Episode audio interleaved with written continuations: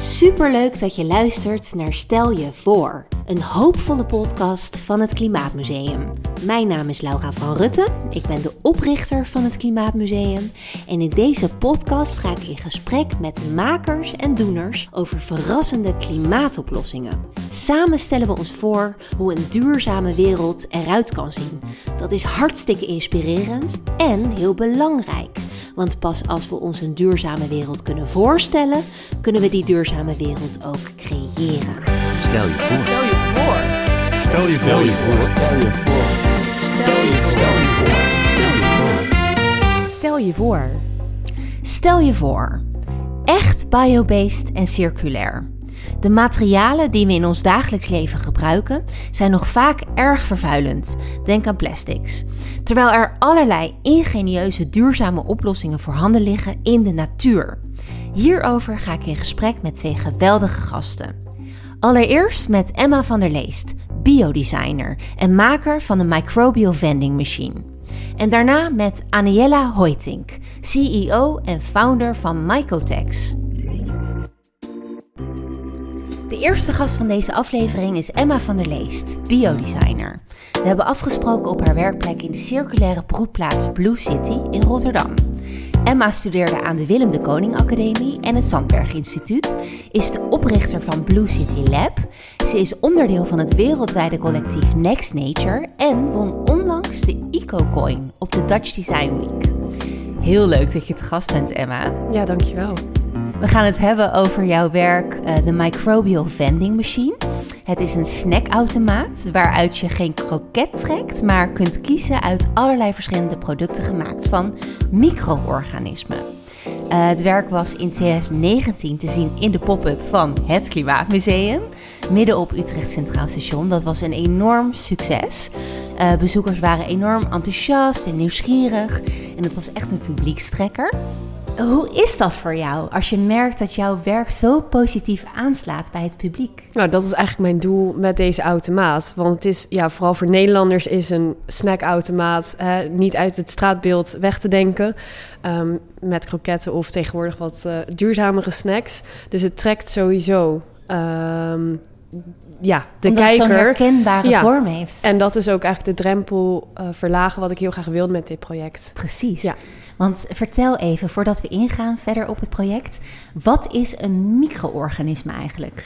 Nou, micro-organismen zijn een van onze kleins- kleinste aardbewoners, die we eigenlijk niet altijd met het blote oog kunnen zien. En er zijn natuurlijk ontzettend veel soorten micro-organismen. En eigenlijk in de automaat heb ik ervoor gekozen om uh, bacteriën, schimmels, algen uh, als micro-organismen uit te kiezen. En daarnaast is er nog een subcategorie, dat is een enzym.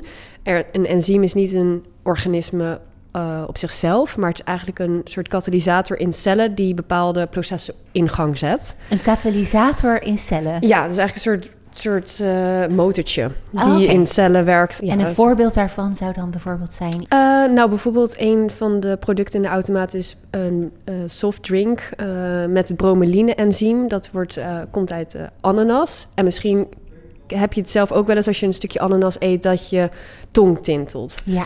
En dat is eigenlijk het bromeline-enzym wat uit die ananas komt. De oude indianen gebruikten dat al als een soort energiedrank. En dat is eigenlijk mijn verwijzing van kijk naar die oude culturen en wat kunnen we daar nu van leren. Oké, okay.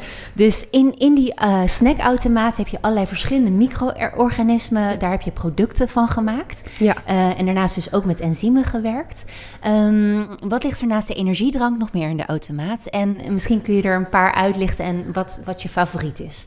Ja, nou, er zijn uh, uh, uh, lampen met um, die licht geven, uiteraard. Um, maar dat wordt veroorzaakt door een bacterie die lichtgevend bi bioluminescent is. dat, bioluminescent? Ja, dus glow in the dark eigenlijk. Um, en daarnaast algen kunnen ook voeding zijn, uiteraard, dat kennen we. Um, er zitten producten in van schimmels gemaakt. Daar zien we nu heel veel van. Gelukkig in de industrie. Dus we kunnen daar uh, uh, stoffen van maken. Uh, Leer. Leerachtige materialen. Um, wat nog meer? Parfum. Er zit een parfum in van de bacteriën. Dat is trouwens wel misschien een van de favorieten. Als ik het zou kunnen kopen of echt maken, zou ik het gelijk doen. Het is een petrichor eh, parfum. En petrigor is eh, eigenlijk een proces... wordt misschien als het buiten regent... na een hele lange tijd als het droog is geweest... dan ruikt het heel erg lekker. Ja, En dat is eigenlijk de bacterie die die geur verspreidt, die petrigor geur. En eh, het woord komt van petra, dus steen, eh, waar regenwater op druppelt en dan een reactie aangaat met die bacterie, waardoor wij dat, die geur van regen eh, dus ruiken. En dat is een hele aantrekkelijke geur voor ons als mens. Dus er zijn ook verschillende stukken over geschreven dat wij, ja, als dat gebeurt, er ook iets met ons gebeurt als mens op een positieve manier. Dus ja, het, ik heb toen gekeken of ik het zou kunnen maken voor die automaat. Alleen, ja, je kan natuurlijk niet echt ruiken. En het is ontzettend duur. Oké. Dus, eh, Want om dat hele proces door te gaan... dat- je moet het eigenlijk vangen. Dus, Ah. dus dat is, eh, daarom is de parfumindustrie is een van de best eh, kept secrets. Ja, ja, ja. Ehm, omdat, Hoe vang je een geur? ja, Ja. er zijn processen voor. Maar Ja. goed, dat is, het is een ontzettend ja, interessant product, denk ik. Ja. Ehm, je wil met deze vorm wil je het aantrekkelijk maken voor de bezoekers. Maar in elk vak waar je dus een product of een materiaal uit kunt trekken uit de machine, daar zit een heel onderzoek achter. Ja. Van waar vind je dat zo interessant om daar onderzoek naar te doen? Nou, eigenlijk als ik terugga ehm naar helemaal het begin, kwam het idee eigenlijk voort uit de reactie van mensen. Want je noemde al dat mensen heel enthousiast zijn, maar er zijn ook heel vaak mensen die zeggen: Oh, gat, verwerk je met bacteriën, met schimmels, eeuw. Iedereen denkt aan de schimmel in jou, hè, in de badkamer. Of op je brood. Maar eigenlijk wilde ik mensen laten zien dat heel veel eh, producten in onze omgeving kunnen vervangen kunnen worden door een duurzamere variant waar we dus een micro-organismen integreren. Maar ook, hè, ik weet niet waar je mee hebt ontbeten vanochtend, maar heel veel mensen ontbijten met yoghurt eh, of met een zuivelproduct. eh, drinken misschien kombucha, wijn. Er zitten allemaal micro kaas, er zitten allemaal micro-organismen in. Dus dat kennen we al en dat is geaccepteerd in onze omgeving of in en jij onze vindt het cultuur. interessant om dat te onderzoeken en ook om te laten zien aan de mensen: het zit in ons leven. Waarom doen we daar niet meer mee ter Ja. vervanging van de materialen Daarom. waar we nu heel veel mee te maken Ja, hebben, die heel licht. vervuilend zijn? Of energietransitie. Er, Ja. Het is gewoon heel actueel. En eigenlijk eh, van ook beautyproducten. We smeren ontzettend veel chemicaliën op ons gezicht. En gelukkig zijn er een aantal bedrijven, ook in Nederland, bezig met hoe kunnen cosmetica en eh dag, eh, eh, gezonder en duurzamer maken. Want het is eigenlijk gewoon chemie. ja. Heel en veel het, En chemie. het is onnodig, want het, Het is onnodig, Ja. maar het wordt vaak gedaan om het eh, op te schalen en eh, goedkoper te maken. ja. Dus eigenlijk, dat zie je ook met biologisch voedsel, is altijd duurder dan niet-biologisch voedsel. En dat werkt met heel veel producten ook. Ja.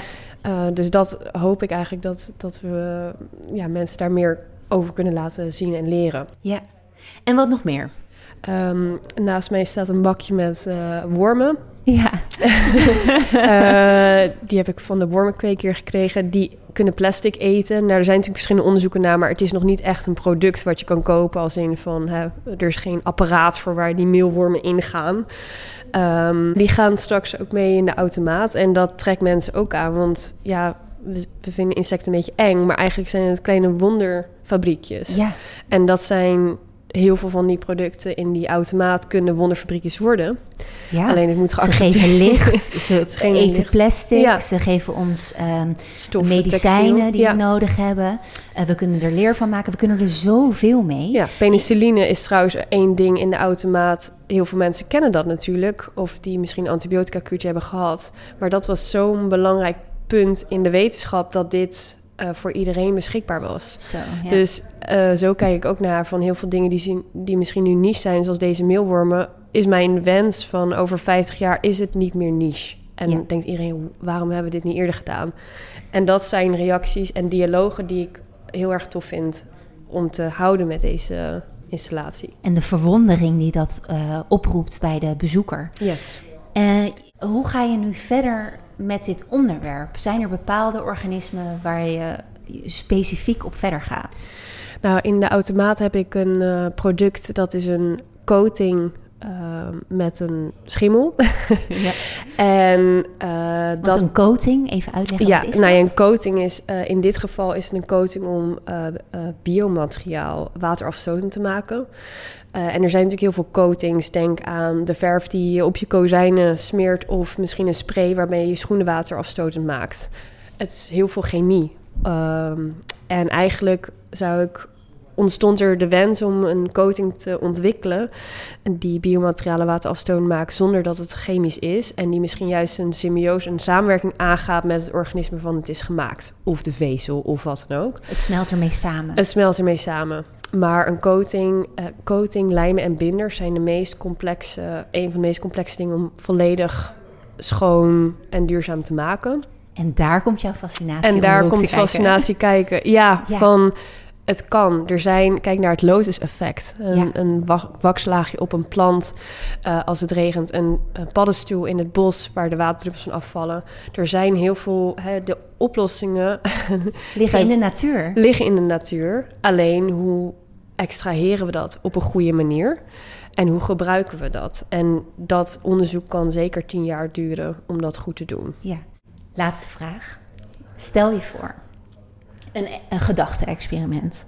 Um, stel, we worden morgenochtend wakker en we gebruiken alleen nog maar die bio-based materialen. Hoe, hoe ziet de wereld er dan uit? Wat betekent dat voor ons? Nou, dat zou wel echt een utopie zijn. Als ik naar mezelf kijk, dan rijd ik misschien in een. Uh, toch een auto is wel handig. Maar dan helemaal gemaakt van. Naar de buitenkant zouden gemaakt zijn van biosteel, wat gefermenteerd uh, spinnenzijde is, wat uiteindelijk geperst is tot een, uh, een composietmateriaal. Wauw. Uh, waar ook onze vliegtuigen van gemaakt zijn, die natuurlijk allemaal vliegen op een algenbrandstof. Want we hebben zoveel algen en nu ook hè, van die algae blooms. het is niet altijd goed algen, dus die kunnen heel mooi omzetten en ze groeien snel. Um, misschien is een deel van Nederland toch ook wel onder water, maar dat maakt niet uit, omdat ze heel goed zijn geworden in het bouwen van duurzame huizen. Die drijven um, op het water. Die drijven en iedereen heeft zijn eigen zeewier uh, moestuin. Denk ik zo, want hè, dat groeit heel goed. We hebben ook last van verzilting, maar die zeewier kan daar goed op groeien. Dus, en ja, de kleding en schoenen is natuurlijk allemaal uh, ook zelf gegroeid. Misschien wel in onze eigen achtertuin uh, van schimmels. Uh, onze textiel is geverfd met bacteriën. Um, ja. We halen alles uit de natuur. We halen alles uit de natuur. We kunnen het weer in de natuur ja. terugbrengen. Ja. Alles circulair. Er zijn geen, misschien inderdaad op dat punt, ik weet niet over hoeveel jaar we dan praten, hebben misschien, zijn we deels overstroomd. Maar alle klimaatproblematiek is misschien deels opgelost omdat okay. we bijna niet meer uitstoten. Of als we het uitstoten, wordt het opgenomen omdat de bomen die zijn aangeplant in de afgelopen 100 jaar misschien uh, nu genoeg kunnen opnemen. Ja. ja. Dat klinkt echt als een droom en een ja. utopie.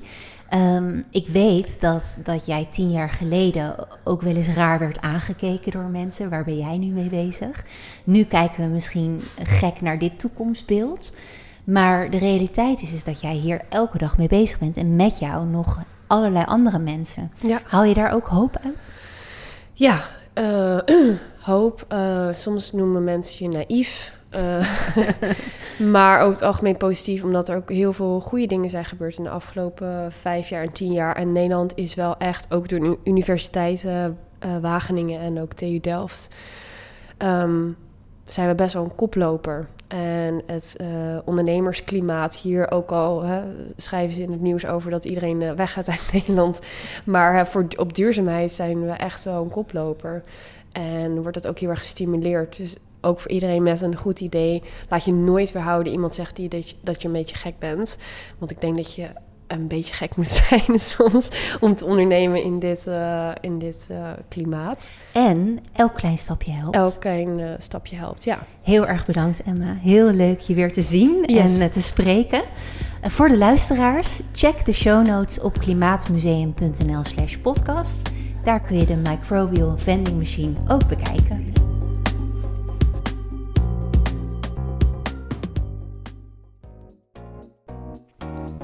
Voordat ik in gesprek ga met de volgende gast, deel ik graag eerst nog even een paar feitjes met jullie. Biobased materialen zijn materialen die zijn gemaakt van natuurlijke, hernieuwbare grondstoffen. Maar wist je dat biobased materialen niet per se biologisch afbreekbaar of composteerbaar zijn? Een biobased materiaal is biologisch afbreekbaar als het door micro-organismen zoals schimmels en bacteriën kan afbreken zonder dat er reststoffen overblijven. Dit proces kan jaren duren. Denk aan hout, katoen en kurk. Een biobased materiaal is composteerbaar als het sneller biologisch afbreekbaar is, binnen 12 weken, zoals groente, fruit en tuinafval. Maar sommige biobased materialen zijn dus niet biologisch afbreekbaar. Denk aan bioplastics, gemaakt van bijvoorbeeld suikerriet of mais. Die zijn alleen industrieel afbreekbaar, met machines op hoge temperatuur.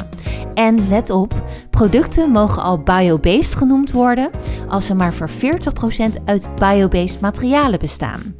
Het is dus belangrijk om te blijven werken aan echt duurzame en circulaire materialen. Door makers en doeners, jij en ik, maar natuurlijk ook door overheden en bedrijven. En dat brengt mij op de sponsor van deze aflevering. Dat is Milieudefensie. Milieudefensie is een onafhankelijke klimaatorganisatie en stelt treuzelende politici en grote vervuilende bedrijven de vraag: hoe geef jij onze aarde door? Want de leefbaarheid op aarde staat op het spel door de klimaatcrisis. En alleen als iedereen gaat meedoen, kunnen we gevaarlijke klimaatverandering nog voorkomen. De campagnes en acties van Milieudefensie zijn super succesvol.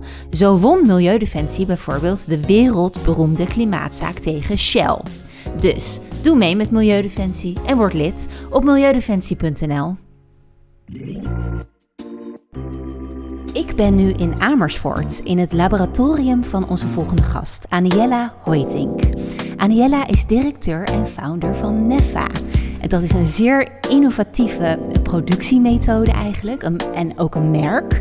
Uh, en ze heeft ook een nieuw soort materiaal ontwikkeld genaamd Mycotex.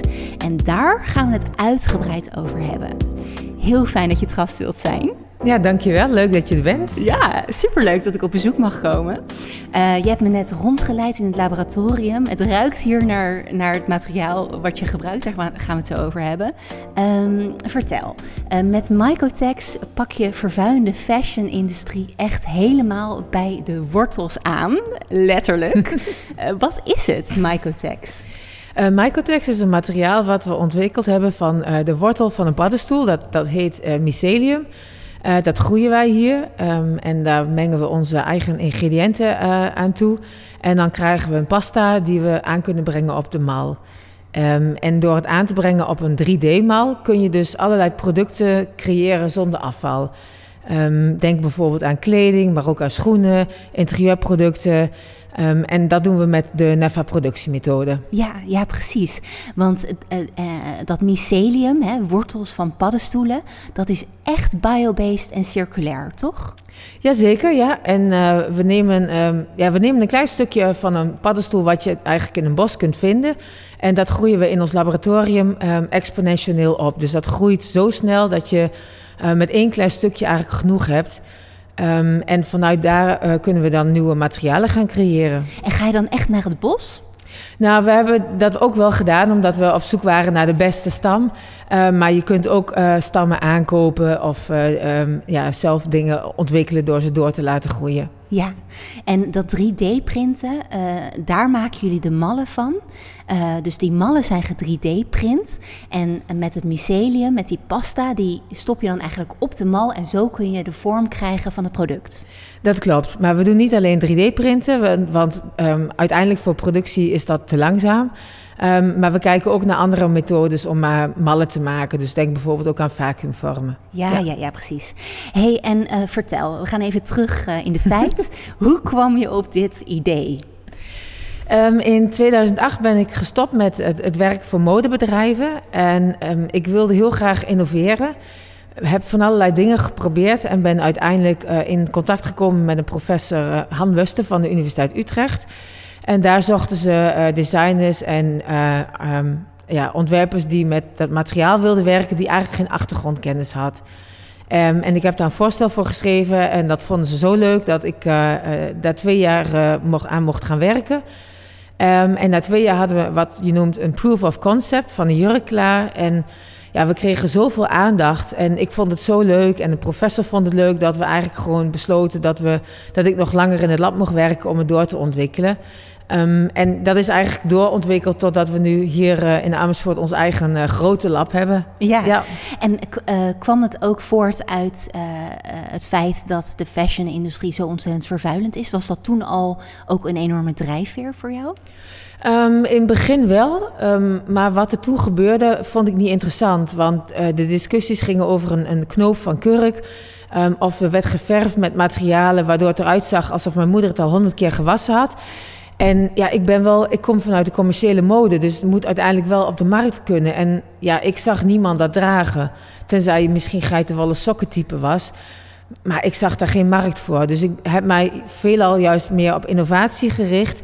Maar wel altijd met duurzaamheid als belangrijk onderdeel. Want voor mij gaat het een niet zonder het ander. Ja, ja, ja. Dus um, uh, jouw hele fascinatie komt eigenlijk ook uit voort dat je het graag aan de man wil brengen. En dat maakt dit ook zo bijzonder dat dit nou juist niet alleen een lab is, maar dat je het ook wil vermarkten. Ja, ja, precies. En um, nou, op welke manieren is, is Mycotex nou allemaal duurzaam? Want volgens mij gaat het echt op van alle kanten is het duurzaam. Vertel. ja, wij, wij hebben uh, wat je noemt een holistische aanpak. Dus wij kijken eigenlijk naar het totaalplaatje. Um, en ik moet dan spreken ook over de, de manufacturing method uh, van Nefa New Fashion Factory. Want het een gaat niet zonder het ander, want zonder materiaal kun je niks produceren. Maar we hebben drie hoofd, uh, um, um, ja, hoofdzaken waarop wij duurzaam zijn. Dus het eerste wat voor ons heel belangrijk is, is dat we productie terug kunnen brengen naar Europa. Dus dat je niet meer iets in, in China laat maken wat uiteindelijk als materiaal uit Egypte komt um, en ergens anders nog weer een behandeling heeft gehad. Maar dat je het gewoon in Europa voor Europa kunt maken. Het tweede is natuurlijk duurzame materialen. Dus uh, wij gebruiken geen uh, gevaarlijke chemicaliën bijvoorbeeld. Uh, wij proberen eigenlijk het afval te reduceren tot nul. Um, en dan als laatste is dat we nieuwe designmethodiek um, aanbieden aan merken. Dus uiteindelijk wil ieder merk iets nieuws laten zien en innoveren. En wij bieden echt iets nieuws aan. Ja, en nog even terug uh, naar dat afval. Um, want ik denk dat veel mensen eigenlijk niet goed weten wat er nou allemaal achter de kledingindustrie zit. Maar als je bijvoorbeeld een jurk maakt, dan heb je een patroon. En als je dat snijdt, dan heb je bijna de helft van al die stof misschien wel niet nodig. Dus... Ja, ja, het is 10 tot 30 procent wat snijafval is. Okay. Um, en dat is natuurlijk afhankelijk van uiteindelijk uh, het ontwerp van het kledingstuk of van, van de tas bijvoorbeeld. Uh, maar een van de redenen waarom wij ook productie lokaal willen hebben, is dat je uh, on-demand kunt produceren. En nu wordt er heel veel overgeproduceerd in Azië om de prijs te drukken. Um, en, en daardoor merk je dat ongeveer 10% van de.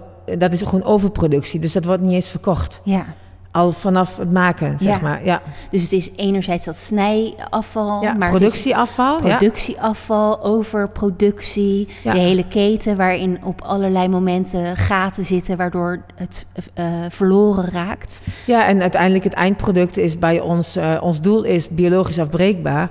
Um, dat, want 87% eindigt zeg maar op het land. Um, en wij willen dan... 87%? Ja, dat is echt heel veel. Jeetje. En wij willen dan, als het op het land komt, dat het in ieder geval dan uh, niet slecht is voor het milieu. Maar ja. nu, als je iets van synthetisch materiaal hebt, dat blijft daar honderdduizend jaar liggen. Ja. En waar, wat wij doen is, wij maken het zo dat het composteerbaar kan worden. En dat het dus gewoon opgenomen wordt als, als voedingsmateriaal. Ja, dat fascineert me. Want ja. dan heb je dus een jurk aan, bijvoorbeeld, ja? van composteerbaar materiaal. Mm -hmm. Maar hoe lang kan je daar dan in lopen? Daar kun je gewoon net zo lang in lopen als dat je wil. Um, de omstandigheden voor composteren zijn, uh, hoop ik, niet die van jouw kledingkast en ook niet die van je lijf. Je, hebt, je praat dan over een bepaalde temperatuur, bepaalde micro-organismen die er zijn, een bepaalde vochtigheid. Als jij dat in je klerenkast hebt, dan heb je andere problemen, denk ik. Ja, ja oké. Okay, ja. ja. uh, dus, dus je kunt het gewoon blijven, blijven dragen. Ja. En dan uiteindelijk, kijk, het is natuurlijk niet de bedoeling dat je iets weggooit, maar als je het dan weggooit, dan is het in ieder geval composteerbaar. Ja, dat is ons, uh, ons plan. Ja. En het bespaart ook een hoop watergebruik, Ja. begreep ik. Oké, dus het, het zit op allerlei fronten, is dit echt duurzaam. Um, en wat ik dus ook uh, fascinerend vind, is dat die mallen, die kunnen jouw lichaamspostuur ook helemaal aannemen. Want waar ik persoonlijk vaak tegenaan loop als ik kleding koop, is dat het dan net niet past. Of nou, vooral met broeken. Ja. De ene winkel in, de ander uit. Verschrikkelijk. Uh, maar eigenlijk is dat ook een oplossing die jullie bieden uiteindelijk. Ja. Ja, ik, vanuit mijn, mijn werk ben ik al heel lang bezig met personalisatie. Alleen om dat op massaproductieschaal te doen, dat is niet te doen. En met deze methode kunnen we dat voor het eerst op massaschaal gaan doen. Dus we, waar we in de toekomst, want nu maken we eerst grotere aantallen. Uh, maar waar we in de toekomst naartoe willen, is dat je uh, ja, je bodyscan kunt aanleveren. En dat we op basis daarvan gewoon een kledingstuk kunnen maken. Wauw, ja. next level. Oké, okay, en hoe ga je dan allemaal te werk? Want we zijn nu in jouw lab. Uh, maar je vertelde net al even, de, de productie ligt ergens anders. Kun je me daar iets over vertellen? Uh, ja, de productie doen we niet hier, maar we werken wel met industriële apparatuur. Um, en wij werken met een partner samen in Duitsland, Desma.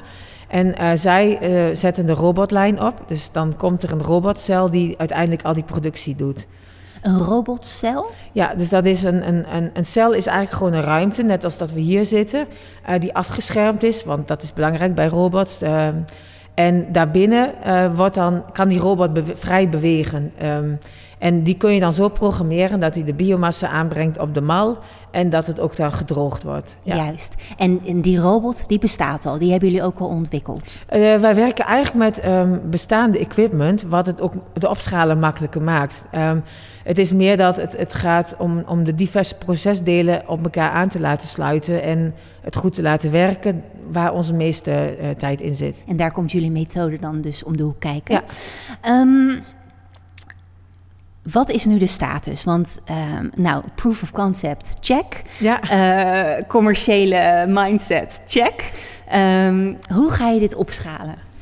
Ja, dus daarvoor hebben we partners uh, met wie we werken. Dus uh, Desma is de eerste partner, maar we werken ook met een partner die het mycelium opschaalt. Um, en van daaruit, ja, wat we nu uh, op zoek naar zijn, zijn gewoon klanten die met ons willen samenwerken, die geloven in, in nieuwe productiemethoden en daar ook uh, wat tijd aan willen spenderen. Want ja, dit heb je natuurlijk niet van de een op de andere dag geïmplementeerd. Um, dus wat voor merken bijvoorbeeld?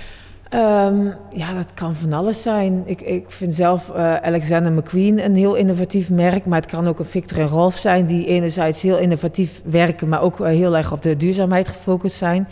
Dus dan um, zit je wel in het hogere segment. In het beginsel wel, ja. Om, maar dat zijn ook vaak de trendsetters. Dus meestal uh, met innovaties begin je al in een hoger segment. En, en ja, probeer je door op te schalen het goedkoper te maken en, en meer mainstream te maken. En, en dat is ook wat we doen. Ja. ja. En waar zit dan de grootste uitdaging?